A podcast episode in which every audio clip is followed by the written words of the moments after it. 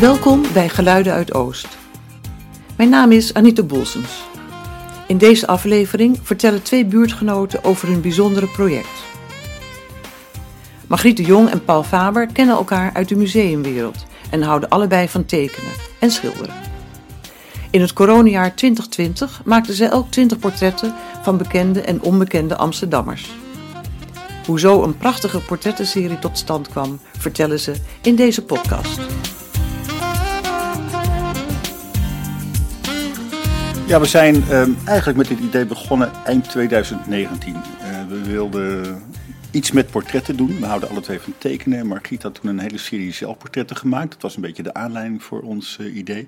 Toen dachten we, het zou mooi zijn als we om en om portretten zouden maken. En met het uh, jaar 2020 eigenlijk op de drempel dachten we, weet je wat, we proberen. Want toen dachten we eerst nog, we gaan het proberen elk uh, 20 portretten te maken in het komende jaar. En we hebben 2020 en we doen dat van Amsterdammers 020. Dus ook nog een keer een herhaling van dat getal.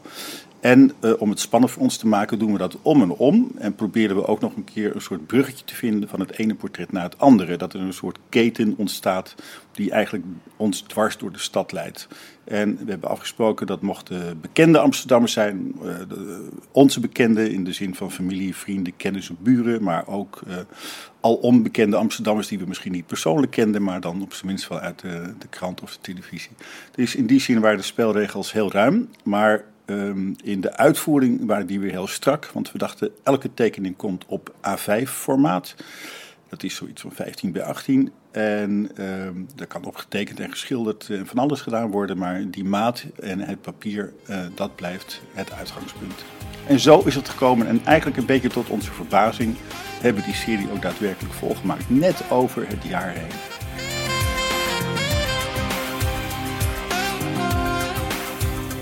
Ja, ik heb altijd wel veel getekend, maar bijna nooit eigenlijk landschap of zo.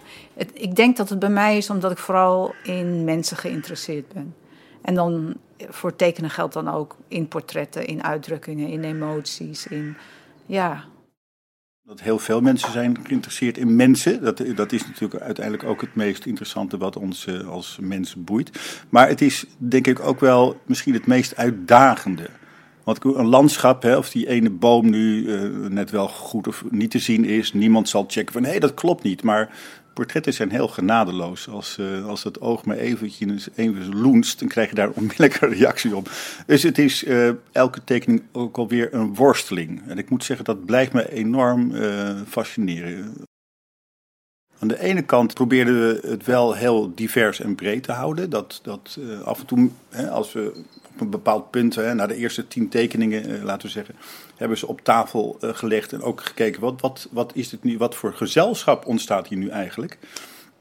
En toen hebben we ook wel af en toe gedacht van, god, het zou wel mooi zijn als het ook werkelijk een beetje een, ik zal niet zeggen representatief, maar toch wel een heel gevarieerd beeld zou opleveren van dat we niet alleen maar oudere mensen, maar ook jonge mensen en uh, niet alleen maar autochtonen, maar ook een heel cultureel breed divers publiek. Wel allemaal mensen die we kennen of die we interessant vinden, dat wel. Waren... Onze keuzes waren natuurlijk vrij, dus dan kies je voor iets wat dicht bij je hart ligt. En ik heb gekozen voor vrouwen die ik op de een of andere manier bewonder of uh, goed vind of ja, vind dat ze mooie dingen doen of interessante dingen. Ja.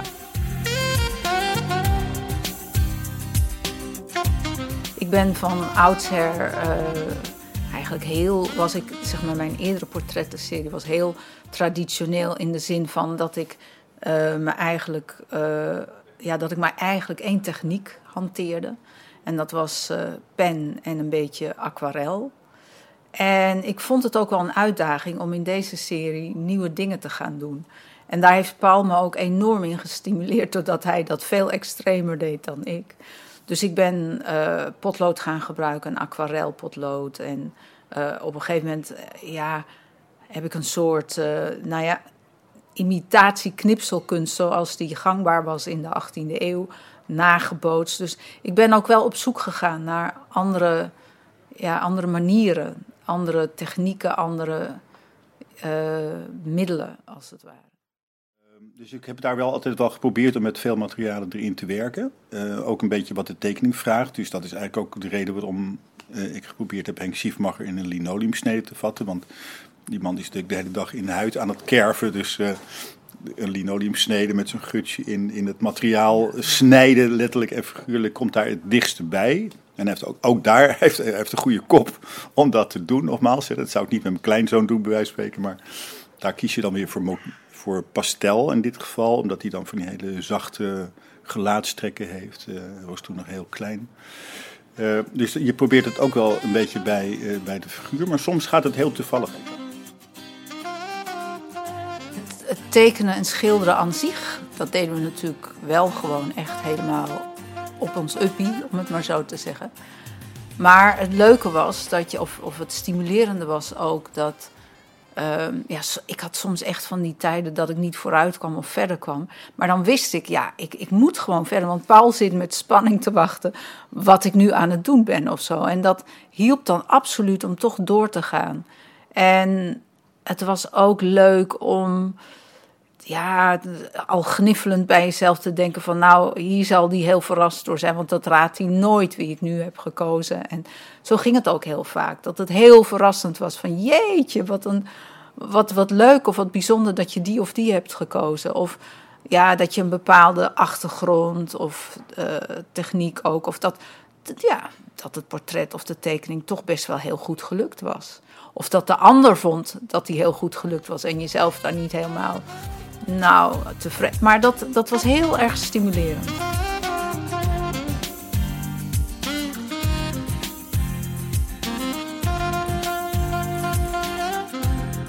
Je kan niet zeggen van een, uh, een boodschap vooraf, maar misschien wel een boodschap achteraf. Dat je inderdaad uh, denkt van ja, niet alleen maar qua techniek of kleur, maar dit is ook een, een, een, ja, het is een sociale kaart van Amsterdam ben je eigenlijk aan het maken. En dat, die, die keuze van mensen zegt iets over ons.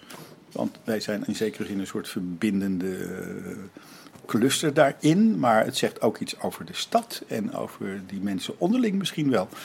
Dus um, laten we zeggen, boodschap met een kleine b. Uh, zegt misschien toch wel van uh, dat dit project ook wel iets ja, ons een spiegel voorhoudt over hoe, uh, hoe de Amsterdamse samenleving uh, nu ja, in al zijn rijke schakeringen eruit ziet. En wat voor mogelijkheden daar eigenlijk in zitten. En wat voor mooie mensen de stad kent. Dat was eigenlijk ook een uitgangspunt wat we hadden. Dat we vanaf het begin uh, in de portretten zelf ook kleine tekstjes hebben opgenomen. Over ja, wat de persoon die we aan het tekenen waren voor ons betekende, of voor de stad, of wat we bijzonder aan ze vonden, of zoiets dergelijks. En ik denk dat dat ook een soort, ja, die sociale link als het ware alleen maar versterkt heeft natuurlijk. En dat zegt natuurlijk ook duidelijk iets over onszelf, ja, zeker. Het is misschien wel een beetje portret van onszelf, dat denk ik wel, ja. Ja, het is gewoon hartstikke leuk. Net wat ik daar straks ook al zei, van uh, in je eentje heb je misschien soms toch de neiging om te zeggen, nou, ik leg het even terzijde, ik ga, ik ga toch maar iets anders doen of zo. Maar het feit dat je er samen mee bezig bent, ja, dat, dat stimuleert gewoon enorm. Het is zowel de in, inhoudelijke wisselwerking als ook zeg maar, nou, het een beetje opjutten uh, om uh, elkaar bij de les te houden. Absoluut heel leuk om te doen.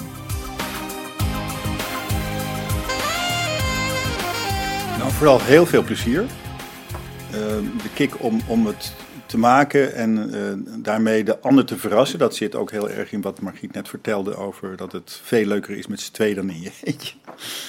Dat, ja, dat, dat, dat, uh, dat heeft een enorme stimulans eigenlijk voor, voor je werk. Kijk, het tekenen is op zich leuk, maar als de tekening daarna ergens in een la verdwijnt, dan, dan, uh, ja, dan mist het ook een deel van zijn doel. Namelijk is toch dat het gaat leven en dat het gaat uh, interageren met, uh, met anderen.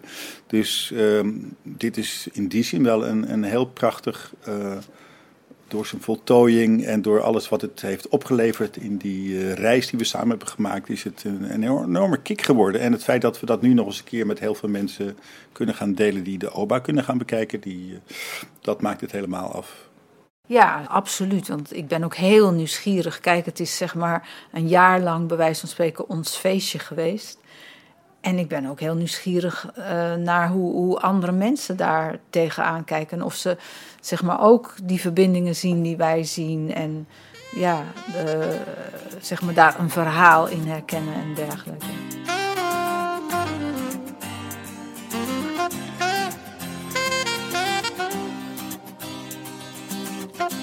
De portretten hangen tot 4 december in de openbare bibliotheek aan het Javaplein.